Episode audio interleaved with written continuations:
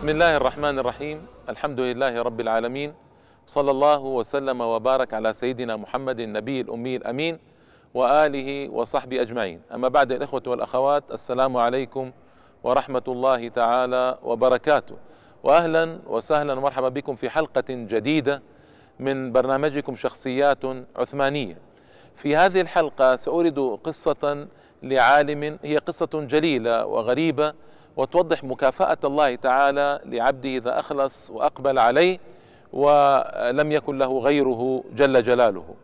وصبر على الفقر في طلب العلم وكان صاحب همة عالية جدا وقاطعه أهله وقاطعه أبوه وإخوانه في سبيل العلم لكنه صبر وظفر رحمة الله تعالى عليه. وكل هذا يرسم لوحة للأجيال مهمة جدا كيف هي عاقبة الصبر والإخلاص والعمل. هذا الرجل يدعى بخوجة زادة. خوجة زادة كان مشهورا بالذهن الجيد وحسن المناقشة والقدرة على التوصل إلى حل مشكلات العلوم وكان صاحب منزلة كبيرة عند السلطان محمد الفاتح رحمة الله تعالى عليه. خوجة زادة هو من بورصة بورسوي. وبورصة كما نعلم كانت عاصمة للعثمانيين قبل أدرنا وقبل قسطنطينية. وهي بلدة جميلة وجليلة تقع بالقرب من جبل أولوداغ. ولد فيها سنة 821 وكان أبوه تاجرا. كان أبوه تاجرا. وكان يحرص الأب على أن يكون الولد مع أبنائه الآخرين في سلك التجارة. كان يحرص على ذلك حرصا عظيما. من أجل هذا كان يضغط عليه لأجل أن يترك العلم الذي بدأ تعلق الولد به. بدأ الولد يتعلق بالعلوم والعلوم الشرعية واللغوية على وجه خاص والمنطقية وعلم الكلام على عادة علماء العجم. فأبوه كان يغضب منه جدا ويطلب منه أن يبقى مع إخوانه وهو يرفض. في الأخير ما كان من أبيه إلا أن أساء معاملته جدا فكان يعطيه درهما واحدا فقط في اليوم وكان يفضل إخوانه كلهم عليه وكان الولد يقعد في صف النعال عندما يجلس أبوه وإخوانه في مقدمة المجلس وكان عليه ثياب الرثة وهيئة الرثة. جاء شيخ بخاري شمس الدين البخاري يتحدث مع والده فوجد هذا الولد بهيئة الرثة.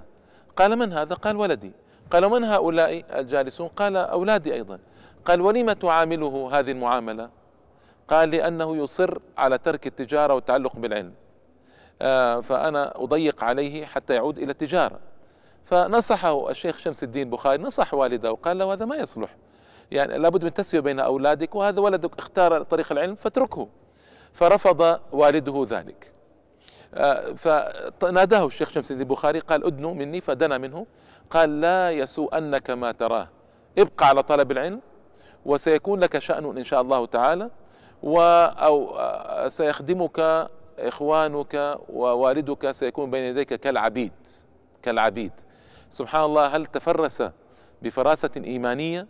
هل كشف الله تعالى له فأخبره حتى يخبر خوجة زاد هذا الخبر ليثبت على العلم؟ الله أعلم لكنه خبر جليل على أي حال. نحتاجه. من أيضا تدرج الولد في طلب العلوم كان يكتب على الورق الرخيص أنه ما عنده أموال يكتب على الورق الرخيص. كتابه من أجل أن يضبط العلم ويحفظه في عقله وقلبه وصدره. وتدرج في طلب العلوم في بورصة حتى ظهر نجمه وبزغ وعرف بصفاء الذهن. فكان شيخه إذا أشكلت عليه مشكلة يقول سأعرضها على العقل الصافي أو على الذهن الصافي يريد خوجة زادة يعني من شدة صفاء ذهنه وإقباله على العلوم وتضلعه من العلوم. فكان يقول سأعرضه على العقل الصافي هكذا. فلما علا صيته كان يريد أن يقابل السلطان. من طبيعة الحال السلطان محمد الفاتح كان مشهورا باستقبال العلماء والإحسان إلى العلماء وإكرام العلماء. وكان العلماء يذهبون إليه لكن هذا مصلح الدين البورسوي خوجزادة مصطفى اسمه ما عنده مال يذهب إليه. فكان عنده خادم الخادم أقرضه 800 درهم. فاشترى بها فرسين أحدهما له والآخر للخادم وذهب إلى القسطنطينية من بورصة ليقابل آه، السلطان. فصادف أن السلطان آه، قد خرج من قسطنطينية يريد أدرنا وكان معه وزيره صدر أعظم محمود باشا. وبالفعل آه، رآه محمود باشا وقال له أصبت بمجيئك إلى السلطان. وطلب منه أن, أن يقابل السلطان فقال نعم اذهب إليه في ادخل عليه في خيمته. فدخل على السلطان. فالسلطان لما رآه آه، طلب منه أن يناظر من معه من العلماء. فناظرهم فأفحمهم في مسائل عديدة. أعجب به السلطان جدا. لكن السلطان وصل العلماء الذين حوله بأموال ولم يصله بشيء. فحزن الرجل وظن أن هذا بسبب أن السلطان آه، لم يقدر علمه. وأضاف إلى حزنه قول خادمه قال له لو كان لك مكان عند السلطان لأكرمك كما أكرم العلماء الآخرين لكن السلطان لا يقدر علمك. فحزن الرجل وخرج وفي طريق عودته إلى بورصة آه، نزل تحت شجرة خادمه ذهب لينام. وجاء إليه آه، وهو لما ذهب خادمه لينام قام ليخدم فرسه بنفسه ويعلفه بنفسه. فجاء إليه ثلاثة من قبل السلطان مسرعين. فقال له يعني سألوا عن خوجة زادة فأشاروا إليه فقال أنت خوجة زادة؟ قال نعم. فظنوا أن له خيمة مثل خيمة الأكابر وكذا ما وجدوا إلا تحت شجرة.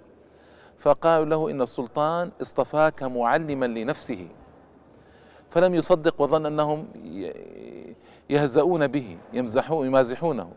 قالوا بلى وأعطوه فرسا وعبيدا وعشرة آلاف درهم وملبوسا سلطانيا. فلبسه وقال لخادمه وهو نائم قال له قم وانظر حالي. قال أنا أعرف حالك أي حال هو؟ أعرفه تماما. قال لا انظر وأبرم عليه. فقام ألح عليه فقام فنظر قال أي حال هذا؟ قال إني قد صرت معلما للسلطان. فقبل الخادم يده واعتذر. آه عاد إلى السلطان وصار له مكانة صار معلم السلطان وقرأ عليه السلطان بعض العلوم آه وصار معلما له. فعلت منزلته أكثر فأكثر. وهنا للأسف الشديد داخل الوزير شيء من الحسد والحسد مهلك أيها الإخوة والأخوات. مهلك إذا داخل صدور الناس وعقولهم وقلوبهم. فالوزير لما رأى المكانة لهذا العالم داخله شيء من الحسد وذهب إلى السلطان وقال له إن آه، مصلح الدين خوجزادة يريد قضاء العسكر.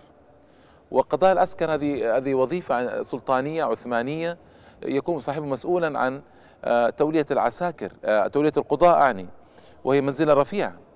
قال له آه، ولأي شيء نترك صحبتي؟ قال لا أدري لكنه هو الذي طلب هذا. وطبعا الوزير كاذب. فقال إذا أوليه قضاء العسكر. فجاء إلى خوجة زادة وقال له أن السلطان يوليك قضاء العسكر. قال ولأي شيء؟ أنا لا أريد أن أترك السلطان. قال هو أمر ولا بد من الامتثال. رأيتم كيف المكيدة فذهب ليكون قاضيا للعسكر في إدرنا إدرنا هذه آخر حدود الدولة العثمانية واليوم أيضا تركيا مع بلغاريا باقية إلى الآن مع تركيا. فتسامع الناس بأن فلان مصلح الدين البورسوي خوجزادة صار قاضيا للعسكر منزلة رائعة وكبيرة. فوصل إلى أبيه هذا الخبر. فأبوه تعجب جدا كيف ولده يصير قاضي العسكر؟ فذهب ليقابل هو وأولاده ذهب ليقابل آه، ابنه. فلما اقترب من أدرنا خرج إليه ابنه ومعه أبها وعساكر وطلاب و فوصل إليه في هيئة كبيرة. فلما رآه رأى أباه وإخوته ترجل لهم عن فرسه وعانقهم وأدخلهم إلى خيمة السلطان. والسلطان في صدر المجلس ومعه آه، القاضي آه، قاضي العسكر اللي هو مصلح الدين مصطفى البورسوي خوجزادة.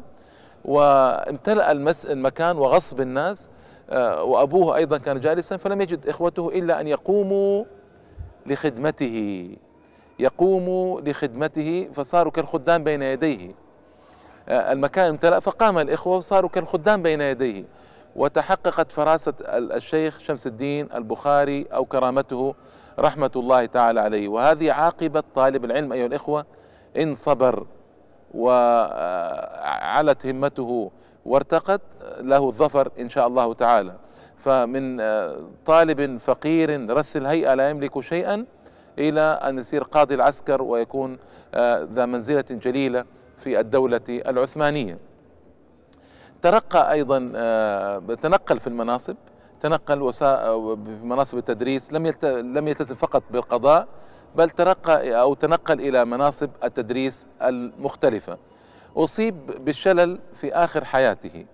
آه، وكان قد جاوز السبعين أنه ولد 821 وتوفي 893 آه، فأصيب بالشلل في آخر حياته بعد أن جاز السبعين في رجليه ويده اليمنى. فصار يكتب باليسرى ويعني العجب يكتب باليسرى. انظروا كيف سبحان الله العظيم العالم وهمة العالم هذه. يكتب على الفتاوى باليسرى وهو معتاد باليمين فيعسر عليه الكتاب باليسار لكن لما أصابه شلل في رجليه ويده اليمنى ويده اليمنى ما كان أمامه إلا أن يكتب باليسرى. آه، فانظر رحمكم الله إلى هذه الهمة العالية. آه، وهو مريض ومشلول ويفترض أن الإنسان المشلول يكون في حالة نفسية صعبة لكن علماء الإسلام وعظماء الإسلام لا توقفهم الحواجز والعقبات.